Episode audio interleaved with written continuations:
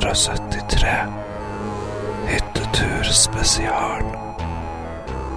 Her er min medprogramleder, Jon Cato Lorentzen.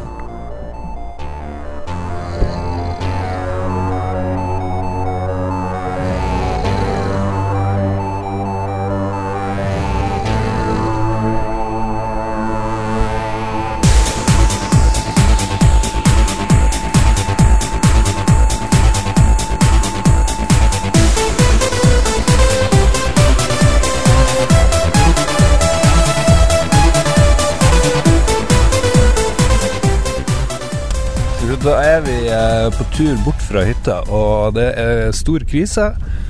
Pengeboka til han Ruben er borte. Og jeg tenker at dette er starten på en sånn true crime-greie, så vi bare begynner der. Mats, hvem tror du tok pengeboka? Um, jeg tror det har vært noen inne i hytta i natt. Ja. Best sannsynligvis. For han, Jan Harald har hørt lyder. Så vi har hatt noen inntrengere. Og det kan hende at de rett og slett har stjålet pengeboka. Men mest sannsynlig så er det jo noen i hytta, og der tror jeg han Jan Harald eh, er liksom kompisen, godkompisen til han Ruben. Står høyt. Sviger. er, er du gift, Ruben? Ikke med Jan Harald, men ja, jeg gikk ja. Var Jan Harald forlover? Første gang. Første gang. Det gikk så dårlig at da måtte vi bytte. Andre gangen var min minibryllup. Shotgun wedding. Men da er jo Jan Harald sånn eh, minst likely suspect, og derfor hovedmistenkt. Hva skal du gjøre med pengene, Jan Harald? Nei, det blir vel å bruke på narkotika. Som vanlig. Når man har tilgang på ekstra kapital. Ja, men det er bra. Ja, nei, men da har vi avslørt, uh, Jeg syns avslørt veldig vanskelig å avskrive eh, lydteorien, Lars. Eh, Er det Ja, Lydteorien. ja altså, Jan Harald hørte lyder i hytta i natt. Ah. Vi har hatt krafsere på fire bein. Inntrengere. Sier du det? Ja, men det fulgte ikke jeg før nå. Ja. Så eh, kanskje de har tatt pengeboka. Holy McFuck. Ja. Eh, actual intruders. Men det, vi låser vel ikke noe? Nei egentlig. eh, Det er ikke noe poeng å låse. Nei, nei. Det, jeg vet ikke hvor mange narkiser det er som roter oppe på Lendingen. Det, det, det, det Skulle bare visst. ja. Det jeg tror det er tosifra tall, faktisk. Utenlandske varebiler som kjører gjennom. Nei, jeg tror det er mus. Det var mus i natt. I veggene. Det blir kaldt ute, vet du. Da, Jeg og du, Mats, har jo ja, gått vi, er, vi har myrda mus for fote. jaga dem rundt med golfkølle. Egentlig burde de jo frykte oss, hvis de vet hva vi har gjort. Right. Nei, men eh, da er vi på tur fra hytta. Nok en uh, semivellykka hyttetur. og vi kan jo gjennomgå det vanlige sendeskjemaet, som jo begynner med hva vi har gjort i det siste. Og vi har gjort jævlig mye. Jeg tenker du eh, her på hytta, liksom? Ja. Ja? Nei, hva vi, vi har nå gjort Det er mye av det samme. Det er brettspill og drikking og Ja, det er jo mye av det samme, men det er jo nye brettspill og nye ting å drikke. Og så hadde vi en ny person med. André Jølsen, også kjent som Jølsrud. Ja. Som, eh, som innførte nyvinningen. Det var Eller jo Andreas Gjødsel. Eventuelt. Ja, faktisk. Ifølge den enkelte. Og han innførte jo eh, ølsmaking, og det var jo helt uh, konge. Så nå har vi alle blitt tvunget til å laste ned Untapped og rangere ti øl i stadig økende alkoholisert uh, tilstand. Husker du hva du uh, likte best? Jeg likte den mjøden veldig godt, faktisk. Det for den smakte som saft. Og det er godt med saft. Før vi, eh, vi diskuterer det mer, så kan vi spille av en liten passiar vi hadde med vår ølsmakekonge, som forklarte hva er viktig å tenke på når man gjennomfører ølsmaking. Og så får dere også høre noen bruddstykker fra, fra selve sesjonen. Mats, hva skjer nå? Eh, Nå teller vi oppi eh, Det er ølsmaking, eh, og en av ølene vi skal smake, er Cascade Brewing sin eh, Elderberry Northwest Sour Ale. Den er den ligget i tønna i, siden 2015 og eh, godgjort seg. Gammel øl. Gammel øl. Sammen med hyllebær i tønne. Ja. Hvis du egentlig drikker ut, øl som er utgått på dato. Ja. Ok, Det ser veldig fint ut. Eh, Vi har alle har fått eh, hver sin eh, sjokkisbit, eller fire. Ost, ananas og skinke. Og så er det ti glass til hver. Må vi det sånn. En av de beste ostene som er. Iallfall de milde. Manchego. André, hva er viktigst når man skal ha ølsmaking? Det er eh, rekkefølgen. At du går fra lyst og lite alkohol og oppover i fylde. Oppover i smaker. At det blir høyere og høyere da med alt. Det er greia. Og så kan du matche, matche mat til ølen. Og da er det ikke verre enn å ta en saftig runde på Google for å finne ut av det. Og mellom hver øl så er det viktig at man tar en liten slurk med en øl som ofte kalles for resetter. Som skal da resette smakene du har i munnen. Så det er greia. Og målet er berikelse. Det er å få øynene opp for at det fins andre ting enn eh, Andre ting enn eh, korona. Når er det vi tar på oss masken og begynner med alle sexgreiene? Yay! Det er det jeg venter på. Men kommer vi til å klare å stå etterpå, eller hvordan er det? Det håper jeg ikke. Håper det kommer til å sjangle litt. Grann. For det er, jo, det er ikke noe butikkstyrkeøl der sånn. Alt er uh, polstyrke. Den siste er vel på 12-13 tror jeg. Og så har vi da masse forskjellig. Vi har mjød og barleyvin og Barleyvin er det liksom få som har hørt om. Men det er altså Barleyvin er det nærmeste øl kommer vin.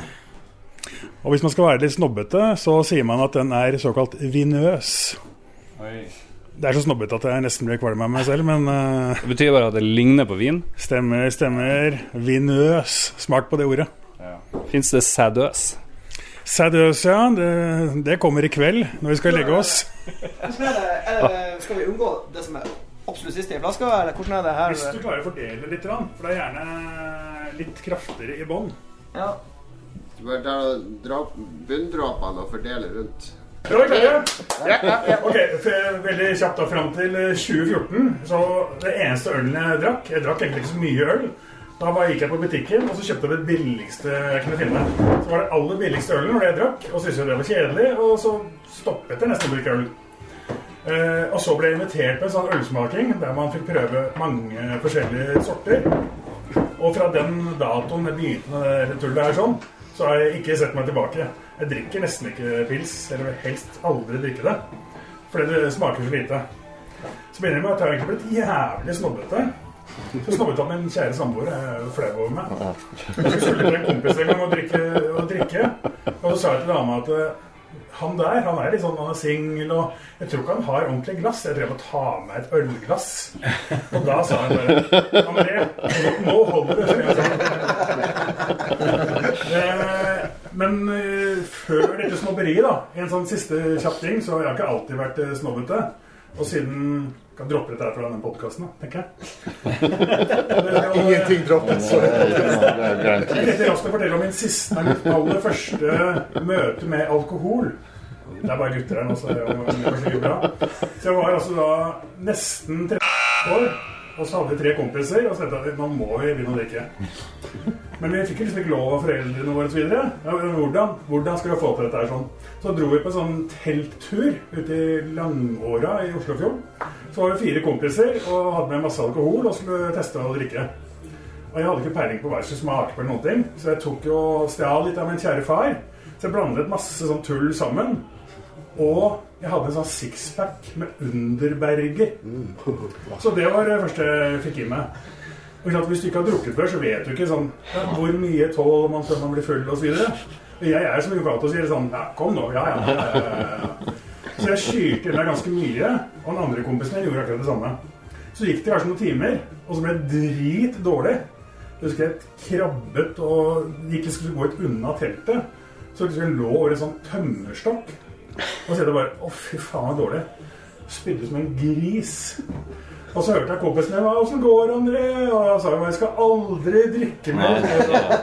Så vi lå og spydde i kor. Det var veldig stille, egentlig.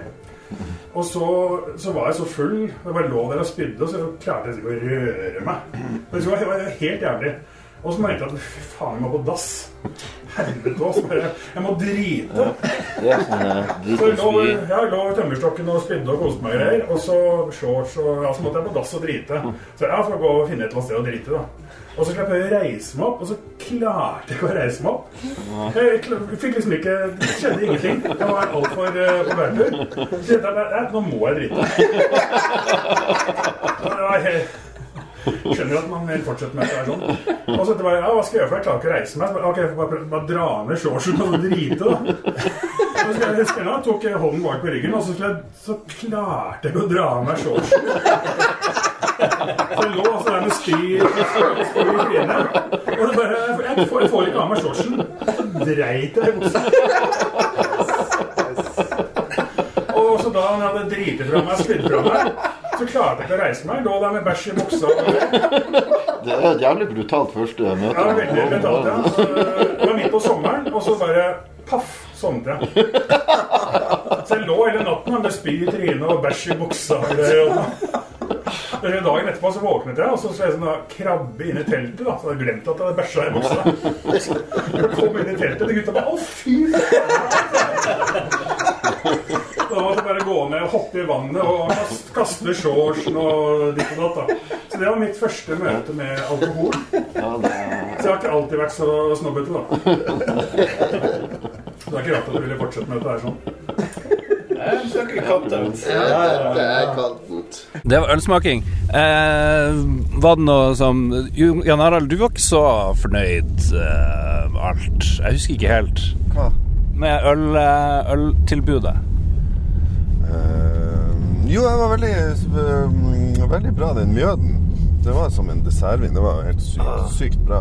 Ellers så uh, mørke malta øl er ikke noe for meg. Jeg liker mer sånn lyst pissvann. Så um, Ja, for vi, vi har dritmye sånne ølsmekkere i redaksjonen og blant lytterne, så det er jo litt gøy. Men jeg har aldri smakt mjød, tror jeg. Men er det øl? Nei, det er mjød. Så jeg skjønner ikke hvorfor det var med. Så det var liksom katastrofe i hele opplegget at det fikk lov å være med å ødelegge ølsmakinga. Eh, at mjød liksom skal komme og lure seg inn. Men det var jo mye bedre enn alt annet. Ja, vi skal ha mjødsmaking neste. Ja, stykket ser så Åh, shit, nå er det Nå er vi på litt sånn rocky roads, så nå må vår sjåfør Ruben inn i Martin Skanke-modus. Skal vi se hvordan han takler det her. Åh, han ser seg rundt. Å, det gikk veldig bra. Ja, altså. Fint. Eh, Ruben, er du, hvor, hvor høyt er stressnivået nå? For du har ikke funnet eh, pengeboka di. Eh, Nei, jeg har jo klart å glemme den pengeboka igjen før oppe på hytta. Det ble et helvetes styr. Så da måtte jeg vente i to måneder før familien var der oppe. Og, og hente den ned. Og så måtte jeg ta Jon Cato og hente den og sånn. Men eh, akkurat nå Jeg gir meg nå faen. Det er bare kort og et førerkort, så jeg kan jo bare få det nytt, tenker jeg. Er du liksom vimsete? Nja. Nei, det er ikke det jeg tenker når jeg tenker det. Nei, men jeg har en sånn tendens til å legge ting på lure plasser. Så. Faen, hvor den er. Kan, den kan godt være, i- det kan godt være i bilen her. For alt jeg vet. Okay. Men for å få tankene dine over på noe hyggelig, hva er årets highlights, eh, Ruben, fra hytteturen? Faen, jeg tenker hva- Nei, det er jo alltid Cock on the Blood Tower. Altså. Jeg syns det er strålende spill. Blood on the Clock Tower. Jeg begynner å bli litt for god, sånn at det er litt sånn eh, vanskelig å være ond. Når vi spilte det første gangen, så var det jo total forvirring. liksom Ingen som visste hva noen gjorde. Men nå syns jeg det var Nå begynner vi å liksom spot on med en gang. Men eh, når vi spilte den der harde versjonen, hva heter den, ja? Bad Moon Rising. Den var, den var fullstendig eh, forvirrende. Men eh, Ja, for det er vi Du kan være med i hvert fall ti stykk, som vi var. Jeg tror det kan være 15 eller noe sånt. Ah, shit. Det er galskap. Ja, og det som er at vi i vår versjon så sitter vi i en ring, eh, og så kan Jon Cato lett gå mellom oss alle og, og teppe på oss, fordi om natta så må alle lukke øynene. Og så kommuniserer demoner med Jon, bestemmer hvem de vil drepe. Men det er også folk som er snille, da.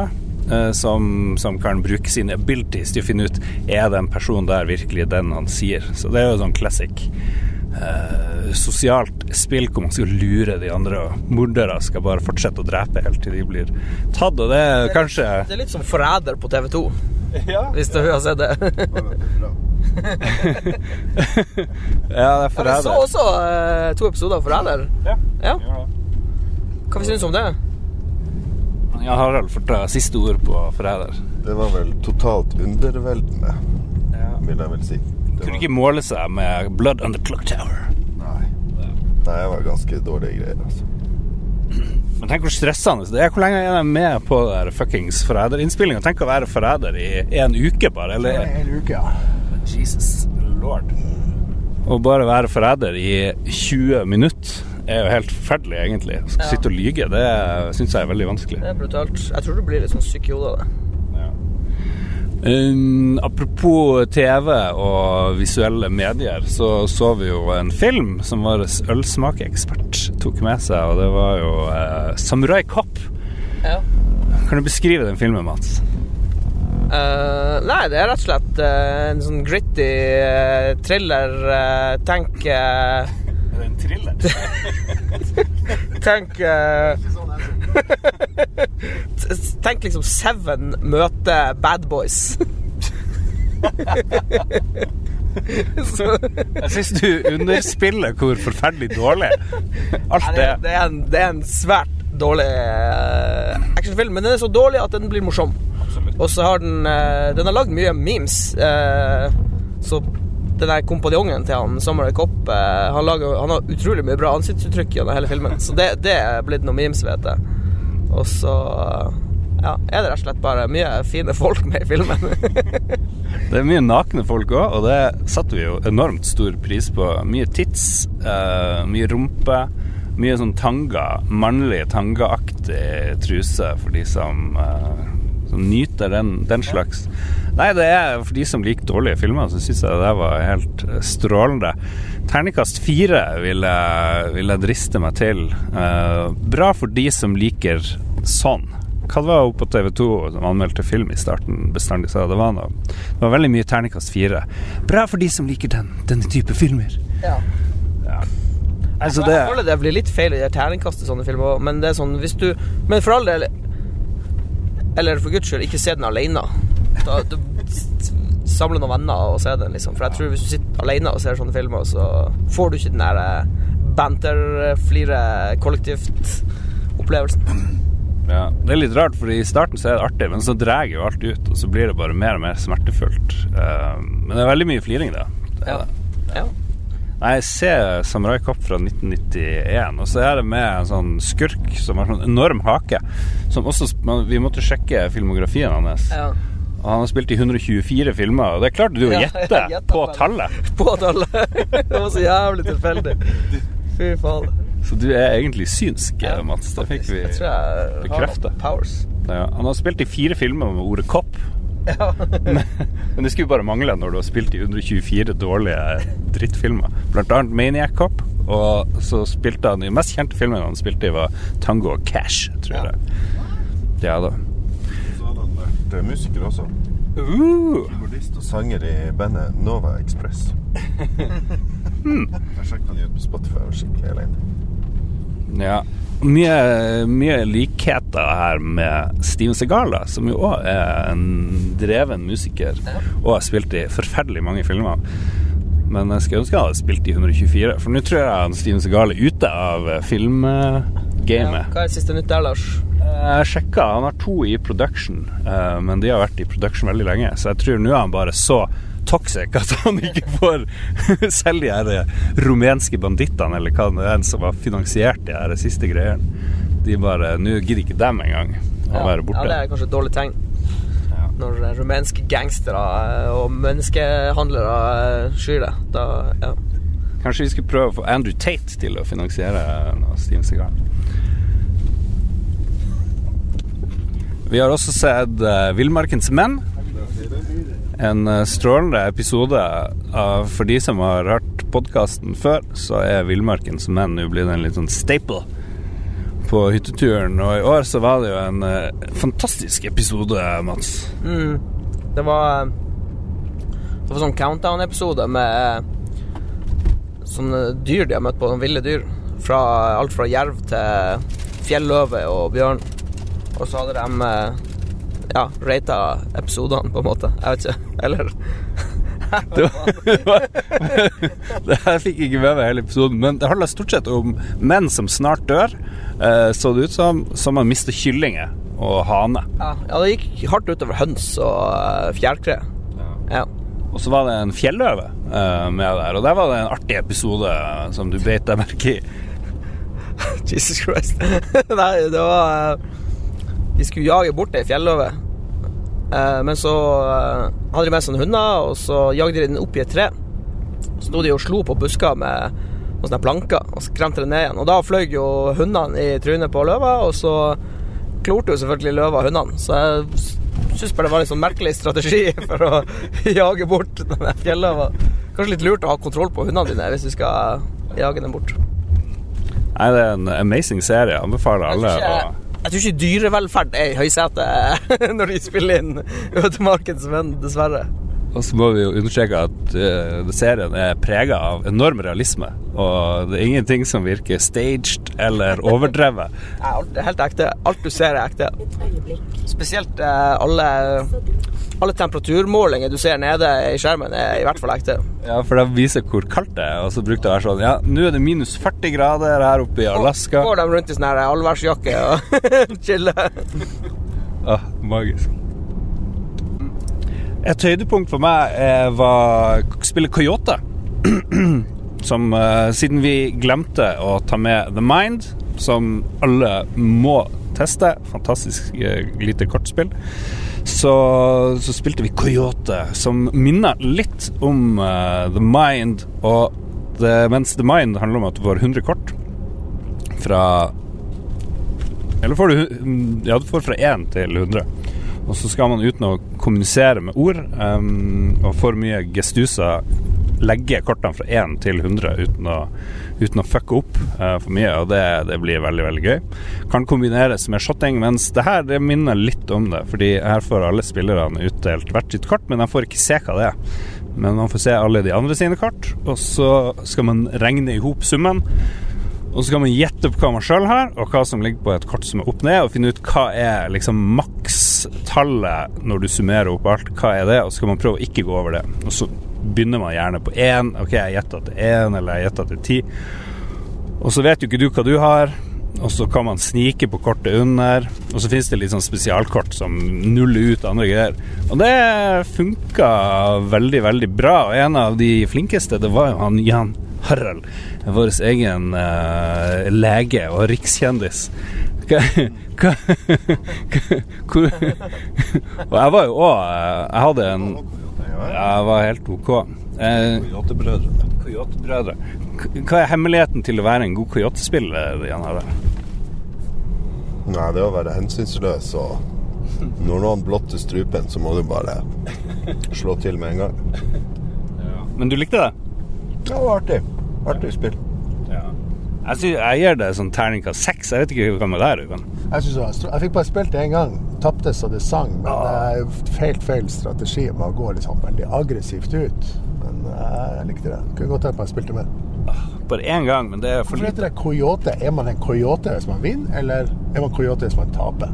Det er sånn her, mange å være en coyote. Det er sånn indianertema på eh, hele spillet, så coyote er jo the, the trickster. Ja, så det, coyotene er veldig viktig for eh, indianerne. Veldig, går det an å si indianere? Nok en gang kommer han Mats med veldig bra law.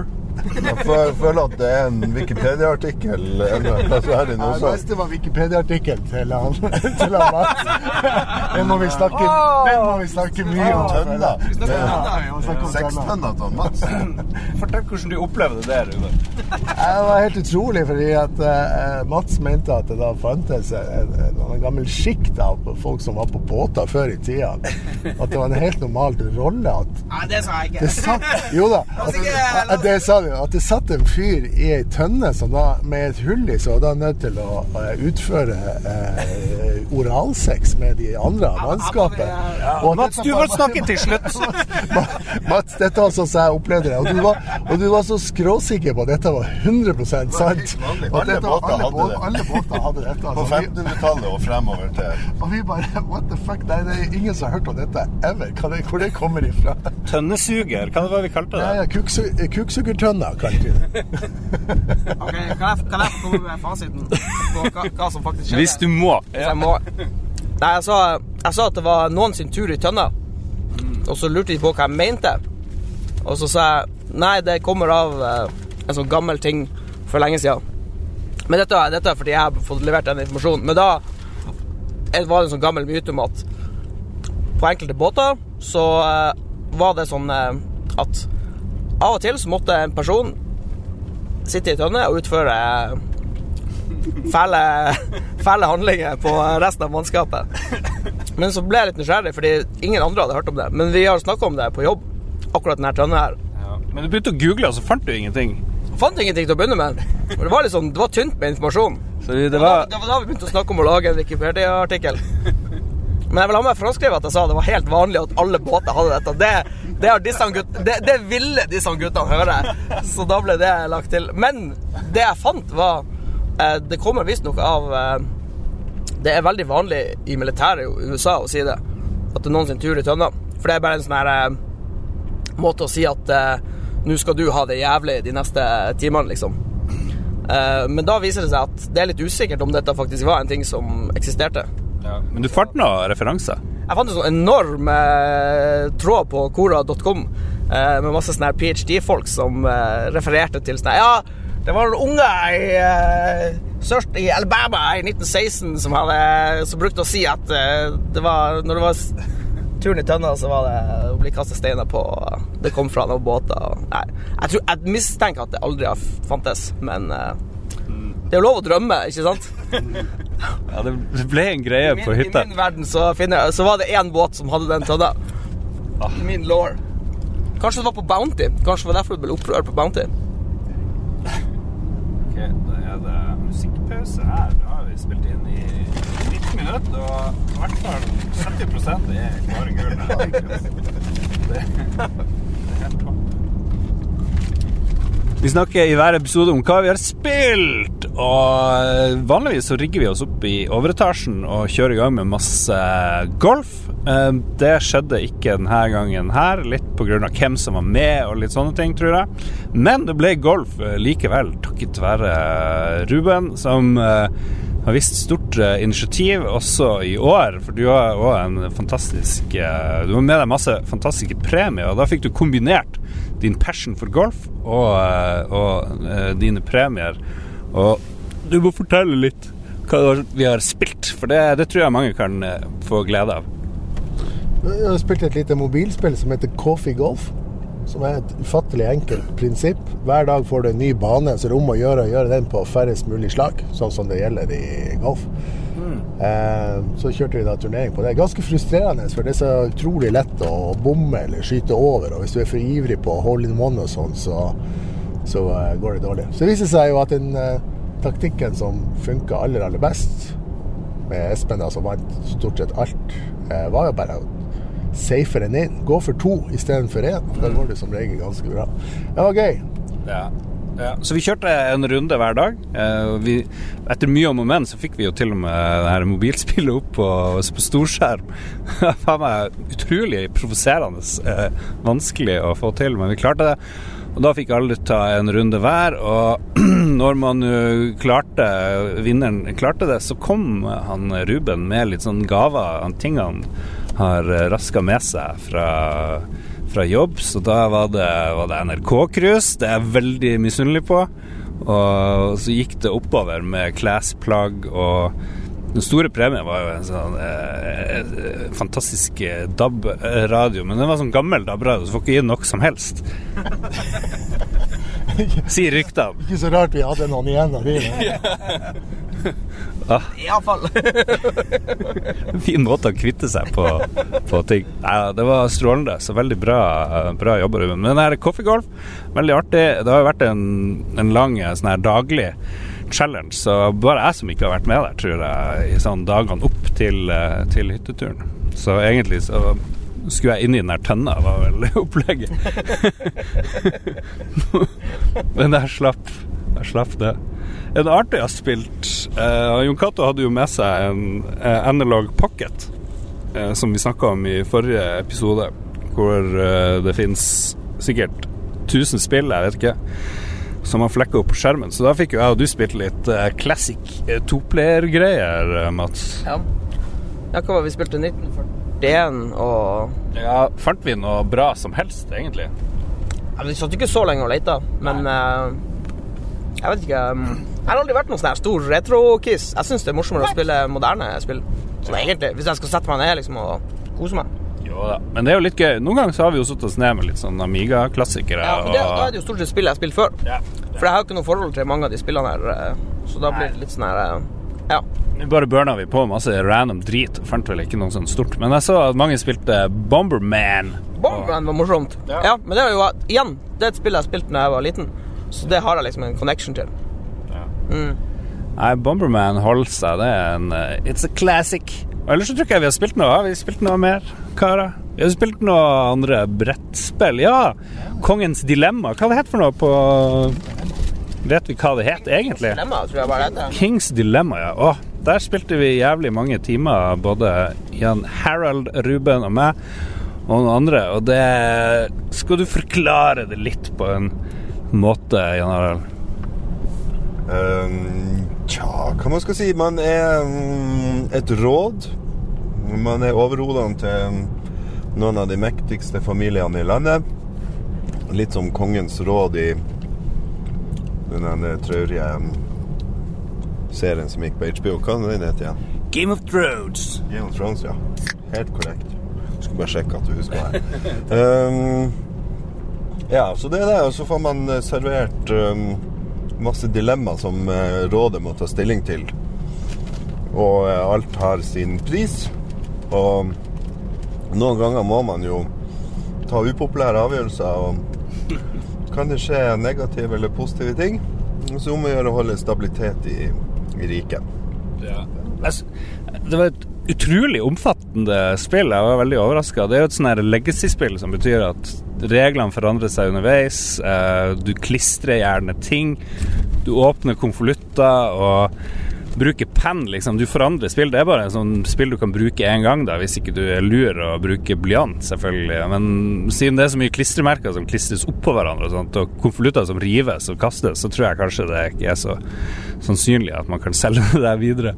Men eh, det, det var utrolig gøy.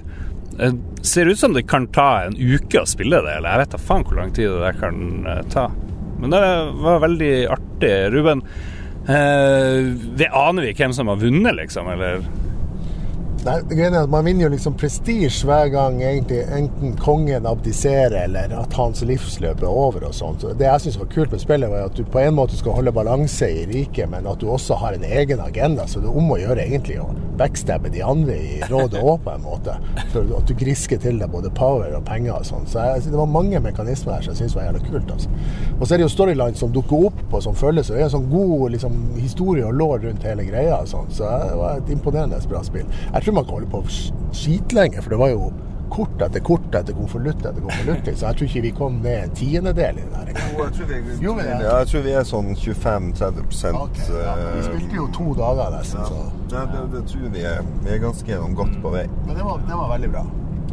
Nei, terningkast seks på det òg. Det, det Men det er ikke sånn hvis du er utålmodig, så, så er det jo ikke helt for deg. Men hvis du liker å sitte og, og ha det litt sosialt, prøve å, og, Det er veldig åpenlys eh, fuck around av andre. Det er liksom ikke diplomacy hvor du hvor det er så sinnssykt beinhardt. Her er liksom det meste oppe i lufta hva agendaen er og hva man prøver. Og så flirer man litt og prøver å backstabbe litt og, og bestikke andre. Det er jo bestandig artig når du kan bestikke folk.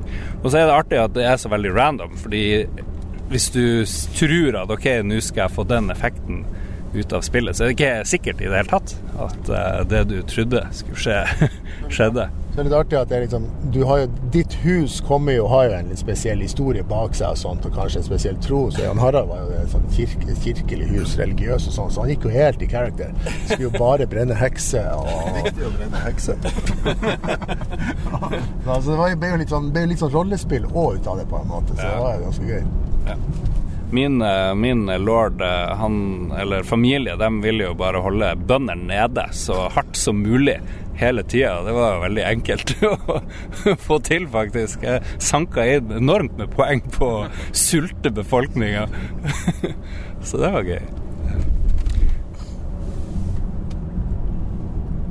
Uh, Mats, du var ikke med på Kongens dilemma. Du spilte jeg var, masse Jeg var i det andre kule hjørnet. Ja, for det, det er liksom Du har liksom de syke nerdene, de sitter på ett bord. Ja, jeg satt med mattekarene. The Number Crunchers. Han eh, Frank og Vidar og Espen. Og Jon Cato, da.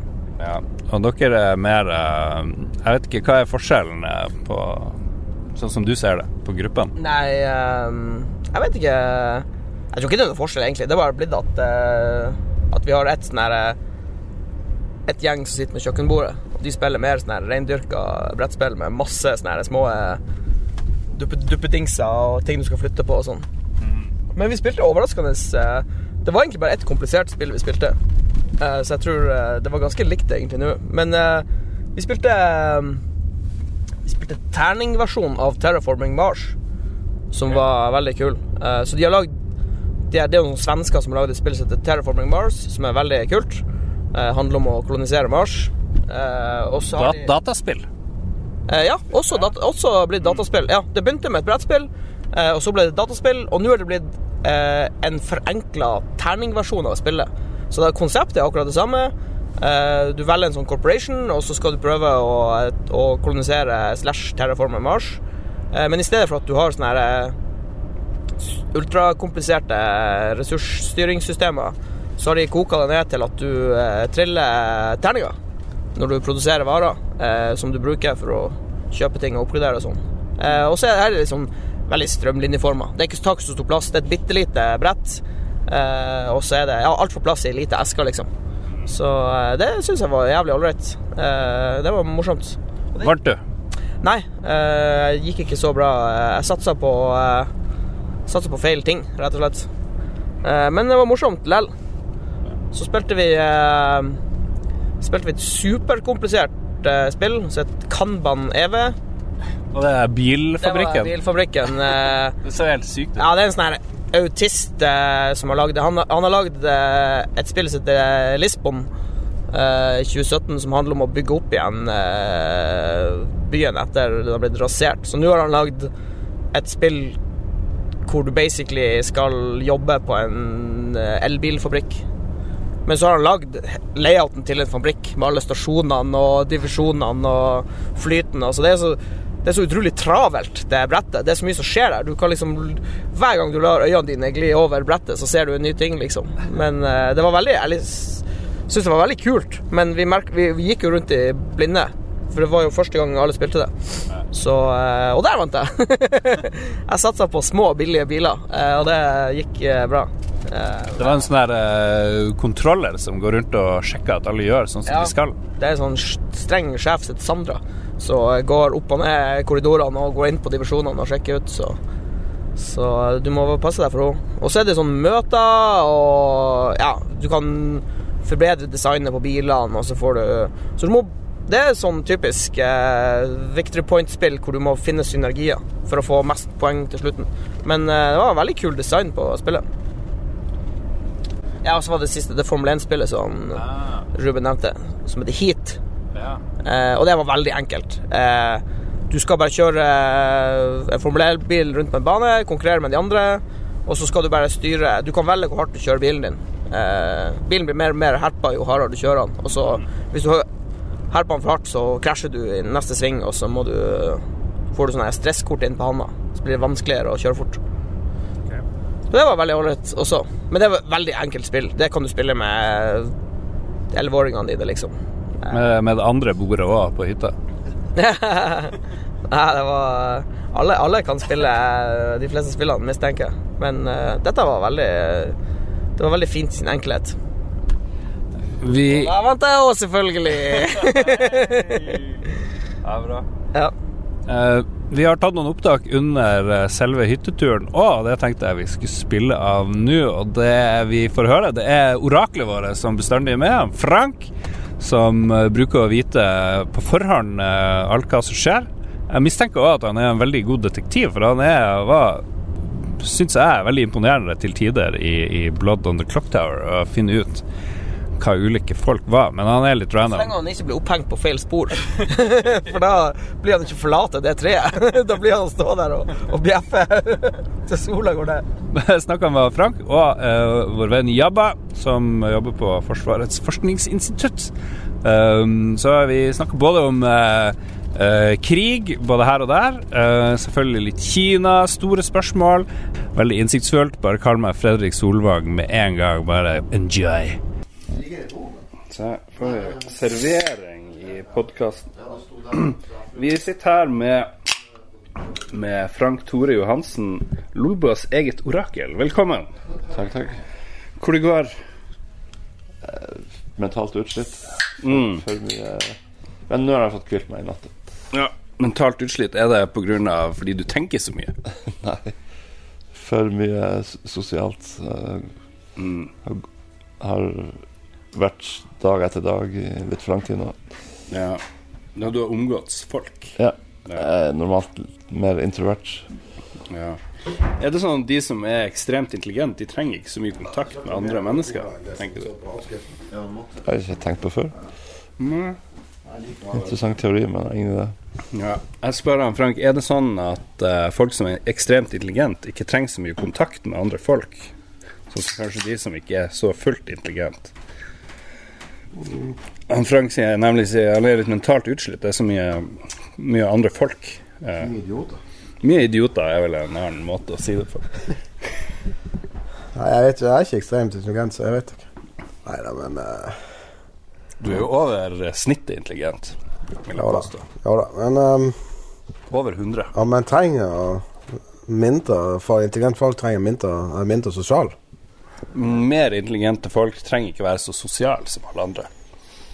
Det er en sånn påstand vi slenger ut her i dag i eh, spalten 'Tunge menn, tunge tanker'. Nei, jeg vet ikke. Det er jo ganske mange, mange smartinger som var veldig sosiale òg. For eksempel. ja, sånn som Einstein, for eksempel. Han, uh, han var sosial. Og han Feynman, Richard Feynman, for eksempel, var veldig sosial. Mm. Ok. Men så er det selvfølgelig mange som ikke er det, så det jeg vet da faen. Men eh, nei, det er sikkert mer sånn eh, større gjennoms- Flere folk som sitter på På laben hele dagen. Da. Og Mm. som Det tror jeg nok. Ja. Må, in, må dem som er lite sosiale, kanskje de blir veldig intelligente fordi de er litt sånn lite sosiale, så må de kompensere.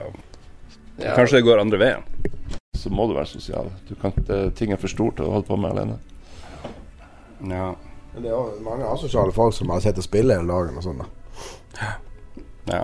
Men la oss Ja. Men uh, la oss ikke gå ned i den veien der. Uh, det ble snakka her tidligere om, om energi, som jeg syns var en veldig interessant uh, debatt. Vi driver jo alle Det tror jeg var tema for forrige hyttetur òg. Strømprisene var så jævlig dyr. Og krise, ikke sant. Og vi ser jo Nå står Norge litt i ro. Um, I hvert fall på boligmarkedet, og det har jo litt med energiprisene å gjøre. Det er klart. Ja, det er klart det påvirker jo inflasjon og renter. Ja, og så snakka vi om hva er, hva er fremtidens uh, energiformer. Jeg kom jo med et glimrende innspill her, uh, også relatert til IQ. Jeg foreslår Strikken. strikk. Ja. Kyr eh, som går rundt et eller annet med strikk. Så lagrer du energien i strikk. ja, nei, det funker, det. Ja. Det er ikke så, det er ikke sånn dum idé, egentlig. Du kan jo også fange opp eh, all metangassen fra kyrne. Eh, mye bedre å brenne det enn å slippe det ut. Kan Mm. jeg foreslå det på Melkøya og lage sånn strikk, eh, strikkanlegg? Bytte det ut kraftverket med, med strikk. Ja. Ja. Ikke koble på noe rein og sånn for å gå rundt. Det går an. Men hvis man tok energi energien fra alle som hopper i bungee, for det er det jævlig mye, i hvert fall når jeg er på Insta og Facebook, så er det mye bungee-hopping. Så hvis man samler all energien fra det, Ja. for det er jo mye energi i verden som ikke fanges opp. Som blir kasta bort, ja. Ja.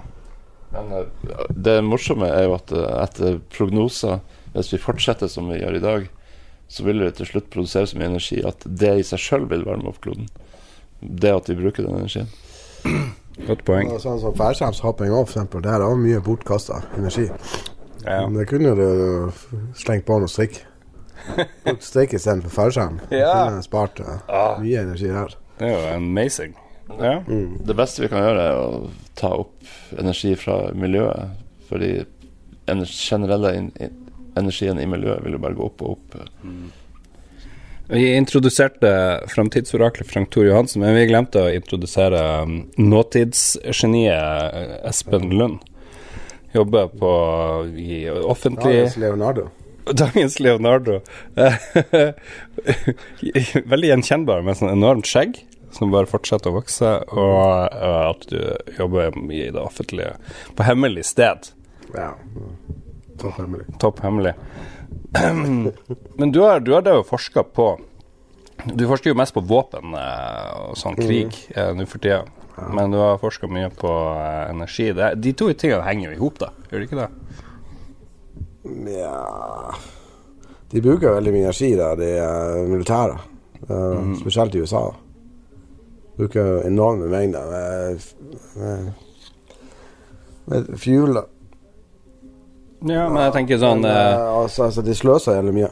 De gjør det. Men, uh, men Nei, det gjelder jo det er mange kriger som blir starta for å altså, få kontroll på energi. Det er det jo. Nettopp. Andre verdenskrig uh... Du ser jo også f.eks. nå i Ukraina, de, de plassene hvor Russland har, de, der de står nå, der er det enorme gassfelter. For, Utenfor øh, for Krim, f.eks. Som egentlig ikke har kommet frem. Eller det er noe sånt som man snakker om, men det er, en, en, det er ganske store gassfelter der. Men Hvor mye handler Ukraina-krigen om, eh, energi, om en energikrig? Hør, Tore. Hør på ja. to, tunge tanker og tunge menn. Nei, nei, det handler jo egentlig ikke om det, da.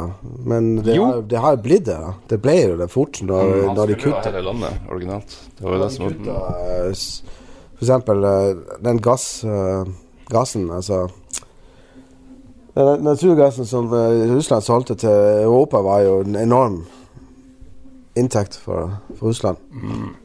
Og eh, Så de har tapt sinnssykt mye penger på å tape masse penger hver dag på at Europa har slutta å bruke russisk energi.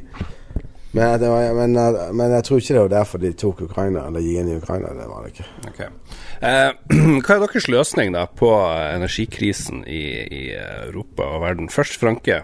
Hva vil du råde Den beste løsninga vil alltid være at vi er litt mindre mennesker her på kloden. Ja. Det er jo genialt. Hvordan skal vi få færre mennesker på jorda? Ja, alle har jo rakka ned på Kinas uh, ettbarnpoliti har sagt at det er forferdelig dårlig planlegging, men eh, spør du meg, så er det mye mer bærekraftig enn alle alternativene.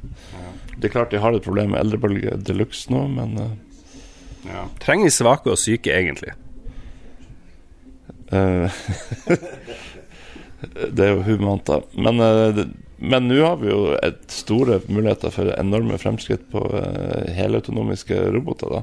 Så eh, nå er vi jo virkelig klar for at eh, de kan ta over på arbeidsmarkedet. da. Der, der det ikke er nok unge og litt for stor eldrebølge. Ja, det er jo Skynet eh, er jo klart til å ta over. Det er det. Men eh, det er det som er problemet med de robotene, er at vi gir dem jo alle de dritjobbene. Og der blir det jo opprør. Det er Ja. Det er nettopp det. Mm. Men du som er flink på våpen, eh, Espen, hva er den beste måten å drepe enorme mengder mennesker på, hvis du må gjøre det? Nei, egentlig så er det å nuke en svær by. Det tror jeg er det mest effektive. Ja, men da kan du jo ikke bruke den byen noe særlig. Nei, men det trenger du ikke heller, for når du har fjernet drepte alle folkene, så Man bruker jo Hiroshima i dag. det er, Ja, det er sant, det, men du må jo bygge opp, gjenoppbygge byen. Du går det. Men det er ikke noe sånn eh, Det er ikke, noe, det, er ikke det det er så mye radio, radioaktivitet. eh, Det, det blir ikke sånn Tsjernobyl og sånn. Du kan godt uh, bli over en sånn by som er Mm. Ja, for det tror vi jo er Men så er det så Er atomkrig så ille, da, egentlig? Hvis man kan bare fortsette å bo i Hiroshima? Det er ikke. Ja. Det er ikke det. Er vi litt for skeptisk til atomkrig, syns jeg? ja, kanskje. Kanskje vi må egentlig være litt mer åpne for Jeg hadde egentlig trodd at det skulle smelle atombombe i Ukraina før den dagen i dag. Jo, for det har du sagt på tidligere hytteturer. Du, det- du venter bare på atomvåpen. Ja, Der tok du feil. Jeg tok feil, faktisk. Det Ja. var jo faktisk etter, rett etter andre verdenskrig. FFI ble jo starta altså, rett etter andre verdenskrig. Og det, det første, de tingene som de begynte med å forske på, var jo raketter og kjernekraft. Å ja. Og, Skulle Norge lage atomvåpen? Ja, eller det var jo ikke sånn helt offisielt, men det er jo det som Det virker sånn, da. Hmm. Det var nok ikke noe de snakka høyt om, men det var det som var planen originalt, var å lage atomvåpen. Ja, for vi hadde nok tungtvern. ja, ja, visst. Det var masse av det, men Når ble det et ikke-problem, liksom, det tungtvern? For det var jo stort under andre verdenskrig. Ja Jo, det var det, men uh, altså, du trenger ikke tungtvern for å lage atomvåpen. da. Mm. Men det er bare en type reaktor som bruker tungtvann. da. Ja, ja. Men uh, det finnes jo mange andre typer, og sånn, og det var litt, eh, nok veldig over- overdrevet hvor viktig det var. Altså, det, Tyskerne var jo veldig langt unna å lage atomvåpen. da. Det bandet tungtvern, er de veldig populære blant fysikere, tror du Du, du må spørre fysikeren der borte. uh, jeg syns de er veldig bra. Ja. Så her i huset én av Jeg én. vil si ja. Det vil si det er 100% for tungtvann. Faen, det er nice. Burde Norge ha atomvåpen? Frank? Uh, nei, men vi burde ha atomkraft. Ja. Hvorfor det? Nei, det er jo ingen politikere som ser ut til å ha innsett at vi er i ferd med å gå tom for, for uh, energi i Norge. Alle har jo varsla om det her i ti år, at uh, vi må gjøre et eller annet. Men jeg hører rykter om at det er, uran er en sånn mangelvare, egentlig. Eller stemmer det? Ja, jo, det er I hvert fall hvis alle skal bruke det. Så, altså, I dag så går det jo greit. Men det er ikke så mange plasser hvor de utvinner det i stor stil. Det er jo Russland og Australia og sånn. Det går, sikkert, det, går øke, det går helt sikkert an å øke produksjonen, men det er ikke sånn latterlig mye uran som ligger rundt omkring. Det er det ikke, altså. Så hvis alle skal bygge at, uh, atomkraft, øh, altså i hvert fall med uran, så det, går, det er jo alternativer som thorium og Altså, det er noen sånne typer kraftverk som bruker- også plutonium og sånn gjenbruker avfallsstoffer fra, fra de vanlige atomkraftverkene. Ok, kjenner vi begynner å gå tom eh, på energifronten. eh. hvis, vi går, hvis vi går litt over på krig, dere er jo veldig flinke på krig. Når er krigen i Ukraina ferdig, Vidar? Espen. Espen, unnskyld. Når uh, er den ferdig? Ja. Det er noen som går lei. Om det, om det blir Russland eller Ukraina som først gir opp. Jeg vet ikke. Burde ikke du vite det? Nei, det er ingen som vet. Det, ikke, det som er det store spørsmålet, er jo om eh, ja, om USA og Vesten, om hvor lenge vi, vi blir gidder å sende våpen til Ukraina. Fordi at, at vi blir jo går, går fri fra våpen, vi òg. Ja, men vi trenger jo ikke våpen. Nei, kanskje bytte ut og skaffe oss atomvåpen, så slipper vi det. Det var jo en del rykter om at uh, det var en del russiske leiesoldater og opptrenere involvert i denne Hamas-angrepet. Så det kan hende at Putin er veldig interessert i en distraksjon som får Vesten til å tenke på noe annet enn Ukraina. Ja, det, men det er å tenke på. Så der er vi helt Det enige. er, en det er vel en helt sikkert. Men uh, Russland går jo også fri for De holder jo også på å gå fri for, for Men de får jo sånne altså. kule ting fra Iran, f.eks. Ja, jeg- ja, det er ikke mye. Det er noen sånne droner. Det er sånne droner, så får de, ja, de kjøper de masse eh, ammunisjon sånn fra Nord-Korea. Og litt fra Kina og sånn. Men det er, det er jo ikke det mest fancy greiene de får fra Nord-Korea. Det er litt sånn. Men Nord-Korea har en enorm eh, produksjon. De har jævlig mye ammo liggende altså, som de kan selge. Men det er jo ikke den beste kvaliteten. Du trenger ikke så god ammo så lenge det dreper folk. Så. Ja, men det er jo det som er problemet til Russland, er jo at de har jo, har jo mye av utstyret, men de treffer jo ikke. Sånn som uh, de vestlige utstyret som uh, Ukraina har, treffer jo mye bedre. Så Det er fortsatt utrolig mye ukrainere, da. Ja, ja. ja det, er, det er klart. Men det er flere russere som er drept. der, er det. Men det er, der er flere russere også. Det som er Det er det problemet. som, jeg syns det er veldig rart at russerne egentlig ikke gjør opprør. At de på en måte bare sånn går i døden. For. De, de har jo i mange år bare fengsla de som gjorde opprør, så det er ikke så lett.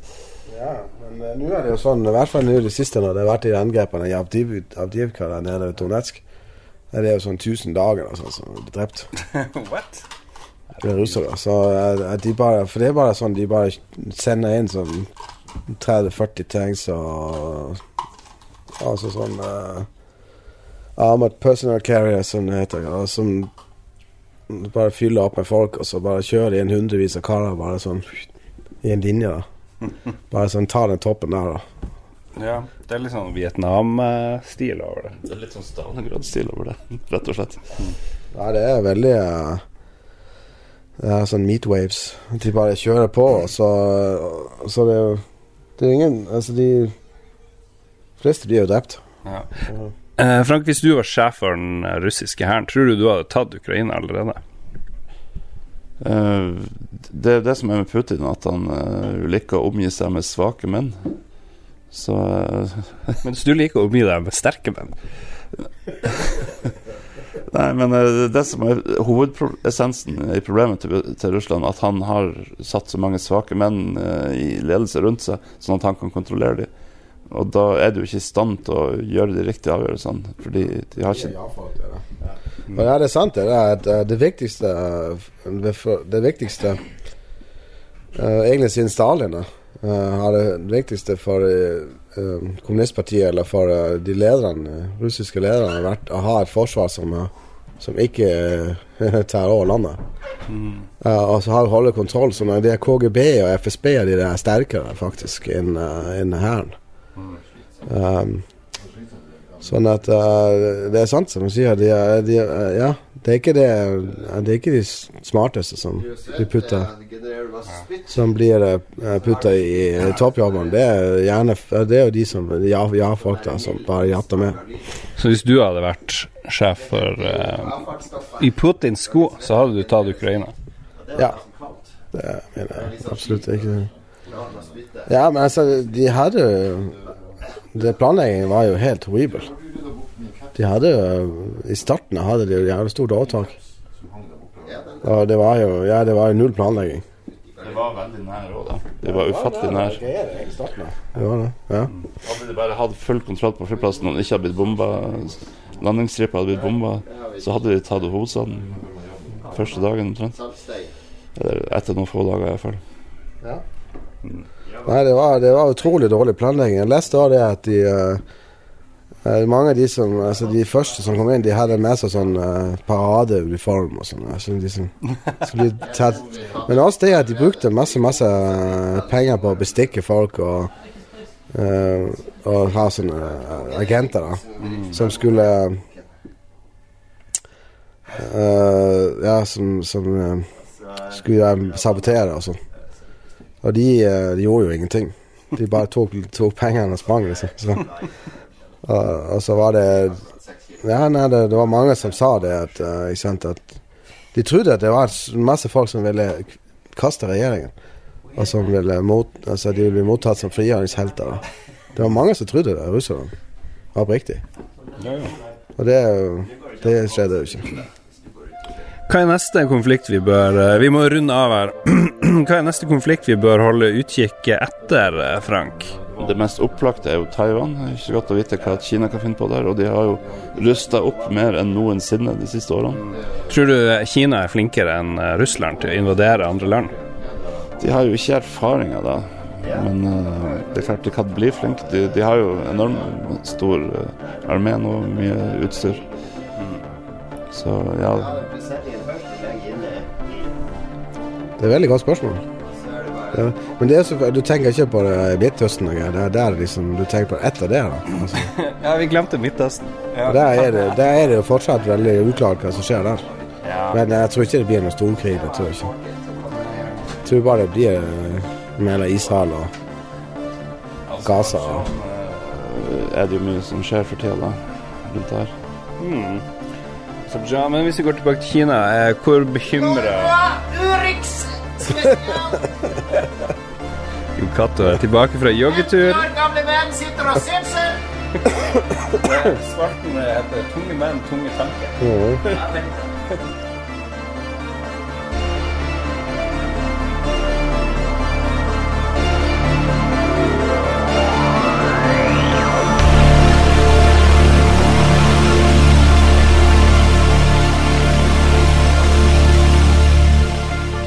Vi har kommet frem til anbefalingsspalten, hvor vi anbefaler ting som kan eh, stort sett er meninga at det skal kunne berike folk, men eh, er alt lov, spør du meg. Vi kan begynne med Jan Harold. Hva du har å, å by på oss? Eh, jeg anbefaler um, sånn eh, vekslende varme kulde. Jeg anbefaler badestamp eller badstue, om man eh, heller vil sitte i en badstue. Um, også med, med kalde avrivning, enten rulling i snø eller hopping i hav imellom. Det tror jeg er veldig bra. Jeg tror det er helsebringende. Er det noe du praktiserer sjøl? Ja, øh, tider. Den badstua og hoppe i hav øh, syns jeg er fint. Det gjør jeg hele året. Og nå når vi har vært på hytta, så har vi jo, har vi jo sittet i den nye, fantastisk flotte badestampen. Til, det har vært veldig, veldig bra. Så det er en, en åpenbar anbefaling. Den eh, gamle stampen har vært der siden hytta ble bygd, kanskje, ish. Og den har blitt mer og mer lekk. Så vi har slitt, eh, spesielt dere to, bruker å prøve å reparere den her eh, stampen, du og Ruben. Men eh, så krøp de til korset, og det er vi jo glad for, de som er i hytta. Svigerforeldrene til han Jon Cato. Som jeg tror det kosta et par hundre tusen, jeg vet da faen, for en ny state of the art vedfyrt stamp. Og det var mange fordeler med den her. Ja. Jeg tenker på varme eh, spesielt. Enklere å fyre, blir raskere varm. Enklere å tømme. fire sekker ved på å få varm eller noe sånt. Når vi kom opp, så hadde jo Tore fyrt i noen timer. Da var den jo varm allerede. På en brøkdel av stort sett veimengen. et døgn for å få den varm. Eh, Den gamle stampen og den her var jo fyrt på på seks-sju timer, så var den jo klar. Var Meget bra. Hytta er sånn synonymt med stamping, og jeg fikk meg heldigvis en, eh, en tur i år, selv om jeg har vært litt rusken i år. Men jeg bruker bestandig nesten å bli litt forkjølt eh, på hytta, enten før eller underveis. Og du kjenner deg igjen, Ruben? Er jeg blir potte tett uansett. Det er litt sånn av stampen. Men det er klart det hjelper jo ikke å eh, Hva jeg skal si eh, Drikke jævla mye alkohol. For å pakke det inn. Så ja da, det her er klassisk. Men her har en anbefaling. Ja. Hvis eh, La oss si sånn i et tenkt eksempel, da. Eh, så hvis man drar på hyttetur da med en god kompis og må dele seng ja. Eh, og la oss da si at den kompisen har et alvorlig snorkeproblem. Så kan det være litt sånn vanskelig å få Helt hypotetisk. Helt hypotetisk. Og da så tenkte jeg at dette vi har, La oss si da at den kompisen har vært på tur med den kompisen før, da.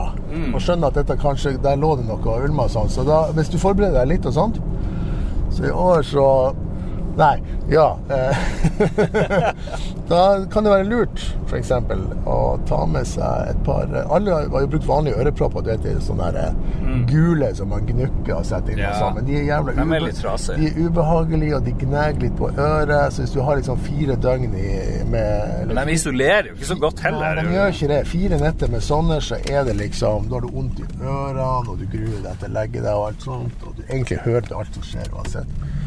Men det er kommet noen nye greier som ser ut som, som, som fire sånne der, eh, hva skal jeg si, sånne halstabletter nesten, som er liksom av myk gelé. Så du kan egentlig bare dele den opp og forme den med fingrene og gjøre den varm. Sett den inn i øret, så former den seg til hele øregangen. så legger den seg sånn fint ut på sida, sånn, så du kan faktisk ligge med hodet ned mot puta uten at den gneger og sånt. Magisk. Eh, eh, Men hvis det ikke er nok hvis ikke det er nok, så kan man ta med seg på- et par svære Bose-headset og på volum 10, og så f.eks. ha noe hvitstøy, snøstorm, thunderstorms, whatever. Så kan det blokke ut en god del av det som måtte da kunne skje. Jeg vet ikke, jeg er bare et, bare et råd i tilfelle det noe sånt skulle kunne oppstå. Ja, Fordi, ja, fordi Jan Harald, du snorker aldri, du som lå på rom med Ruben. Jeg sover om natta. Så nei, nei, jeg snorker ikke. Ja, men det er rent hypotetisk. Jeg lå Hva de heter, jeg lurer på om du får dem på apoteket, de der. Sånn Ja. firepack med jelly, jelly earplugs. Ja. Fantastisk. Jeg har, jeg har prøvd dem, og de er amaze balls. Men jeg har ikke kjørt det her white noise-greiet. Men da kan ikke du ligge på sida, eller Jeg må ligge på rygg, og når du da er tett i nesen i tillegg, ikke sant, så blir du jo, våkner du jo som en sånn munnpuster, og det er ingenting som virker. Det er helt jævlig. ja. Nei, det var mye snorking på vårt rom òg, Mats, ja. etter hvert. Det var en person som snorka. Det var ikke meg, og det var ikke deg. Jeg snorka vel litt. Ja, litt, eh, ja. Men sammenligna, ja. ja. Du snorka bitte litt, men bare liksom kos. ja. Så Eh, er snorking? Men så hadde vi han, eh, han Tore som uh, dundra løs. Men han tok det veldig personlig og litt sårt. Eh, kan, kan man tolke det sånn, da? Nei, men han, han hoppa ut av rommet. Han Tok en flagge. Ja. Ja. så han la seg ut på eh, loftstua, rett og slett. Det satte jo vi stor pris på. Ja, det ble veldig koselig, men det, det, jeg fikk dårlig samvittighet da, fordi det, jeg fortalte han jo det samtidig som jeg sa at han snorket, så sa jeg at jeg lå bare og irriterte meg, og så glemte jeg jo at jeg hadde de her eh, samme øreproppene Ja, ja, ja. som han Ruben har snakka om, så når jeg fikk dem inn, så hjelper jo det veldig mye. Men jeg skulle kjørt videre med det Bose white noise-trikset, å så det skal jeg gjøre neste gang. Men sånn er det når man er på hytte med elleve personer. Det, det må man ta hensyn til hverandre og tåle at eh, alt er ikke sånn som hjemme. Og liksom Jeg vet ikke med dere, men jeg, jeg drar ikke på hytta for å få kvalitetssøvn. Det er ikke en av eh, Det er ganske langt ned på prioriteringslista.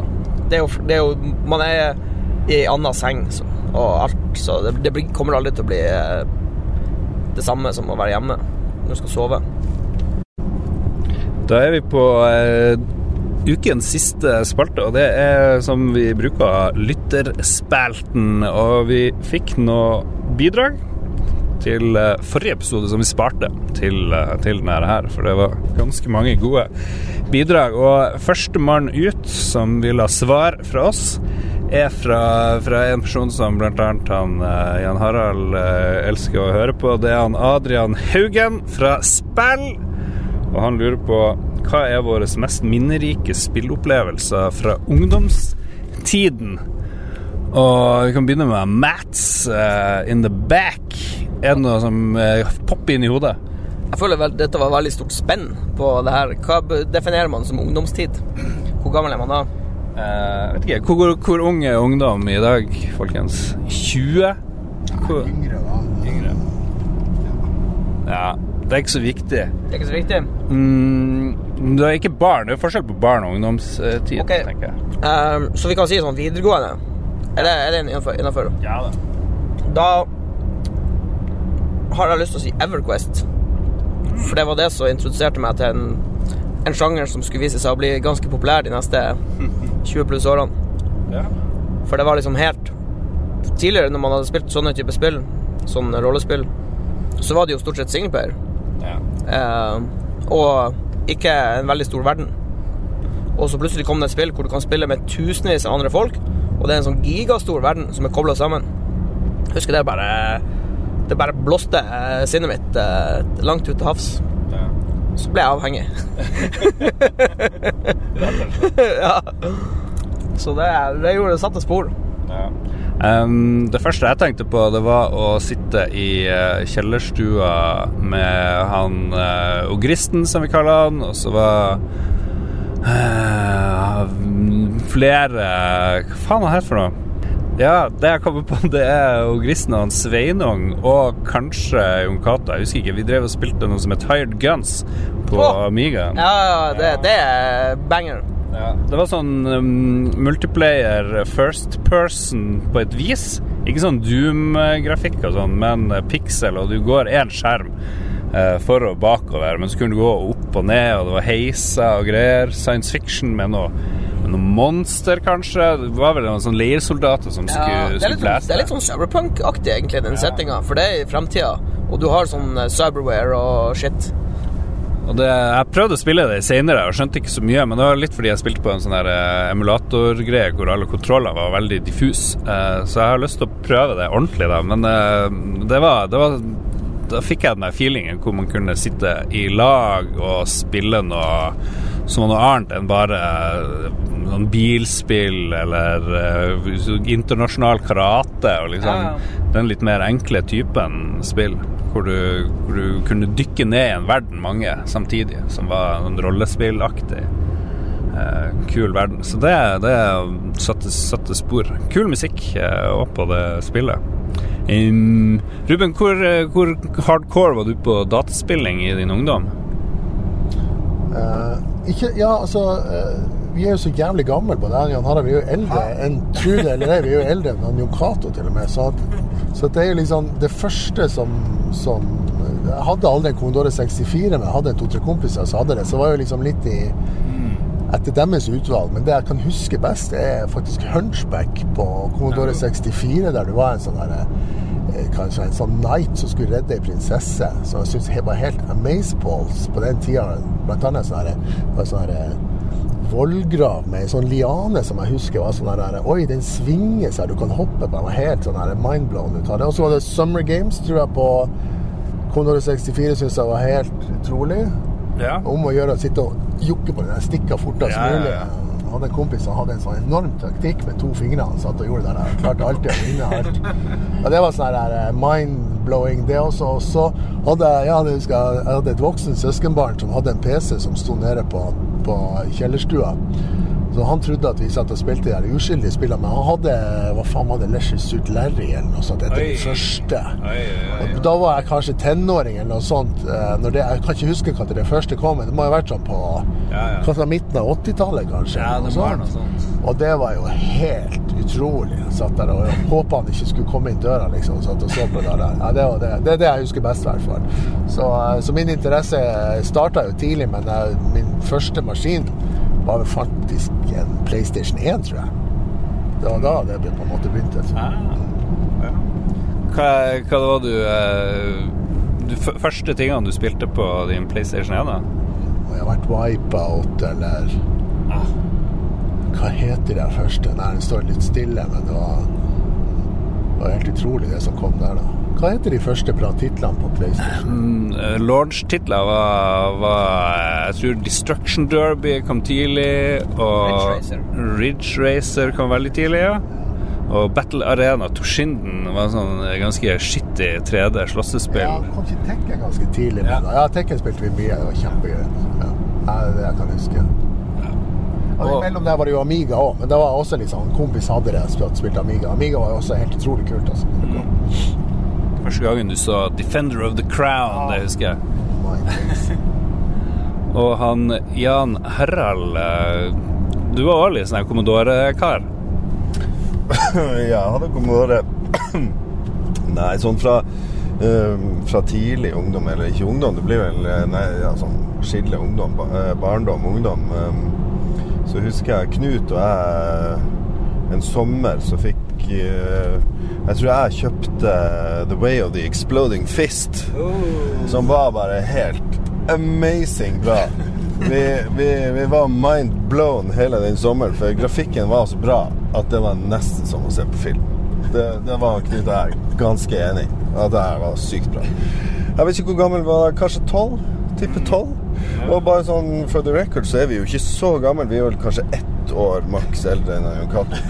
Eh, det, og det er ikke gammelt i det hele tatt. Um, og fra sånn eldre, eldre ungdom så husker jeg vel Jeg husker noen av de en, um, Når det begynte å komme sånne filmatiske sånne uh, pek og klikk eventyrspill, sånn uh, Gabriel Knight, at man satt flere stykker og spilte Gabriel Knight før han ble Schattenjeger. Um, og så husker jeg veldig bra minner fra Ruben Kjetil og jeg brukte å samles og drikke øl og spille SSX. Ja. Det var jævlig bra. Og Snowboardspillet. PlayStation 2, det tror jeg. Ja, vi kjørte det både på toeren og treeren, og det var dritbra. Når jeg var i militæret, så hadde vi en eh, PlayStation 2. Og da var SSX eh, vår go to shit. Det ble spilt i hjel. All right. Tusen takk til eh, Adrian. Hør på hans podkast Spill. Eh, Christer Lysaker spør når jeg skal streame City Skylines 2. Eh, hva du tror der, Matt? Nei, det blir vel eh, mandag, tirsdag kveld, tipper jeg. Det er bare å tune, tune in. Yay. Twitch.tv slash lolbua. Ja, eventuelt, som Ruben sier, streame på Følg- Snap. Ja. mm, han Stein Pedersen, eh, en gammel eh, Ikke gammel, beklager, Stein. Du er veldig ung. Eh, Commodore 64-koder og musiker av rang. Han sier 'Lies of P' vil jeg anbefale oss i det i særklasse beste Souls-like-spillet. Har du prøvd noe Lies of P? Nei, men jeg har sett, uh, sett noe Vidois, og det ser jo unektelig smooth ut. Så det er absolutt eh, Jeg tror jeg la det til på Steam, så det, det er på topp ti på min Steam wishlist. Ja. Da tar vi det med oss. Eh, Joakim spør er vi for eller mot kryptovaluta uten renter. Og jeg vet ikke, Er det noen her som eh, har noe kryptovaluta? Jeg har noen sånne eh, helt forferdelige shitcoins. Eh, Jeg har tysk krypto som bare Jeg tror det er verdt nøyaktig like mye i dag som da jeg kjøpte det. Så det var en dårlig, dårlig investering. Brukte 2000 kroner eller noe sånt. Så det, det Ja, sånn er nå det. Ja, nei. Bitcoin i 2017, faktisk. What? Så eh, de har multiplisert seg bra. Men jeg gikk jo ikke inn noe tungt. Kanskje jeg gikk inn med et par tusen, og nå står de i 20 eller noe sånt. Så det var jo ganske bra avkastning sånn sett, men, Nice. men uh, Får du tatt dem ut, liksom? Jeg vet ikke, jeg tror ikke jeg husker passordet mitt engang. Så Jeg tror det er veldig mange som har sånn der eh, krypto de ikke har tilgang til. Ja, og så lurer han på om vi er for kryptovaluta uten rente. Jeg vet ikke, Har vi noen sterke meninger om krypto i det hele tatt? liksom? Er det, er det, det er bare rente hvis du realiserer? Eller, ja. Det er det jeg mener, sikkert. Sikkert. Det er ikke Ja. peiling. Du kan gjøre det som en eh, bekjenning om jeg flytter til Østerrike, og så bor du der i tolv måneder. Og så tar du ut kryptoen din. fuck. Sveits-trikset. ja, ja. Eller Østerrike eller Sveits, jeg husker ikke. Jeg, jeg tipper begge fungerer. Ja. Fucking shit. Jeg flyttet ikke til Østerrike i tolv måneder for 20 000, liksom. Det, Nei, men altså, det snakke var snakk om mer penger i det tilfellet, kan jeg love deg. Men ja. Og så har vi siste fråga kommer fra eh, David Skaufjord. Veldig eh, kul kis som nettopp har kommet med en AI-podkast hvor han prøver å finne ut om det er bra eller dårlig, eller bare midt imellom. Og han eh, kom litt late to the party her. Vi burde ha lest det her før.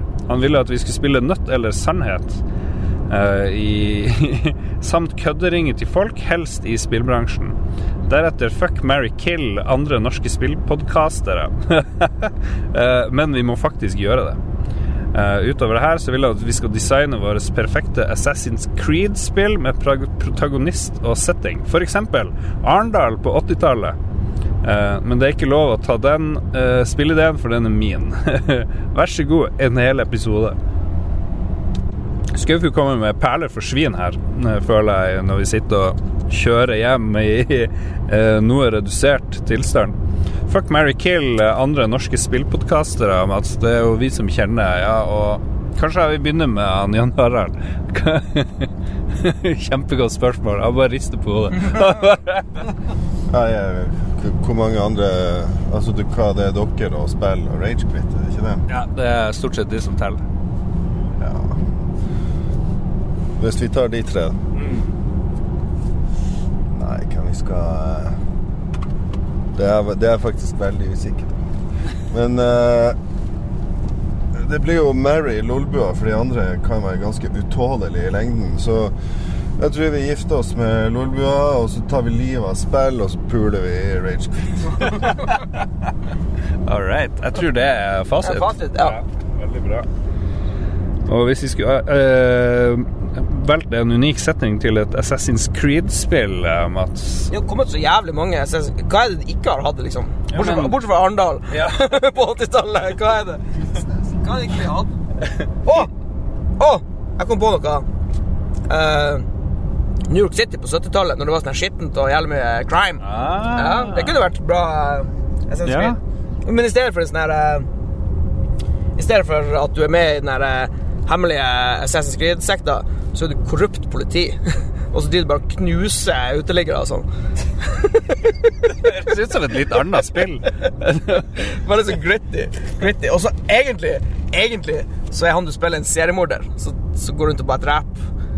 Nei, vent litt. Jeg tror du har lagd et helt nytt spill. What?! Hva er um, Jeg vet ikke. Hvordan mer har vi? Vi har um, Vi har Å! Nei, det, det har de lagd. Har de lagd. Hva med i Norge? Hva er den mest interessante plassen å Kuleste ha settingen i Norge. Ja. Du, vi, hadde jo det vikinggreiene. Det var jo i Norge, eller? ja, men det, det Jeg vet ikke. Ja, det føles ikke så veldig norsk, spør du meg. Uh, kunne jo hatt eh, Kunne jo hatt under Under uh, OL på Lillehammer 94. For en fantastisk idé. så kunne en av de maskotene vært med på noe sånn eh, Illuminati-greier. Det hadde vært morsomt. Hva var de het, her, eh, han gutten og jenta? De maskotene. Kristin og Håkon. Ja, en av de, en, en av de er med på sånn her eh, deep Illuminati-shit. Og med på noen sånne her ritualer og seremoni. Det tror jeg hadde vært amazing. Ja, var kvalitetsbidrag der, Mats. Ja. Da gjenstår det bare å takke for oss og takke produsentene våre. Så jeg har funnet frem lista her, Mats. Hva du mener en slags liste? Dette kan vi utenat, Lars. Eh, Vi har jo selvfølgelig eh, vår MVP-produsent eh, TTMXMP. TTMXMP. Skal vi gi dem en drink hver? Ja. eh, Nå tar vi en jegershot Ja. for TTMXMP. Skål! Skål. Duke Lys uh, Duke Lysaker What? Duke Jarlsberg. Du får uh, Jeg har jo nesten begynt å lære meg å lage drink, så du skal få en fin Moscow Mule, uh, Duke. Ja, da tar vi og mikser opp en eh, herlig eh, White Russian, så skåler vi for han eh, Christer Lysaker. Han Bjuslo får en, eh, en eh, veldig, veldig eh, stødig gin tonic. Eh, Vær så god, Bjuslo. Og til slutt Ja, da gjenstår det jo bare å eh, lage den verste drinken som finnes, eh, nemlig Bloody Mary. Og eh, lage grimaser mens man tvinger ned slurk for slurk. og hylle han kong Hong. Ah, Kong Hong, tusen takk eh, til alle produsenter, til alle patrions, til alle som hører på. Så må dere huske å følge med på spill og Ragequit, og ikke minst, som vi glemte å nevne i sted da vi skulle fuck, marry og kille, uh, Lykke og gjedda. Ja, men jeg, jeg tror de tar det som et kompliment at de ikke blir nevnt som en spillpodkast. De er jo faktisk ikke det, men de er veldig flinke.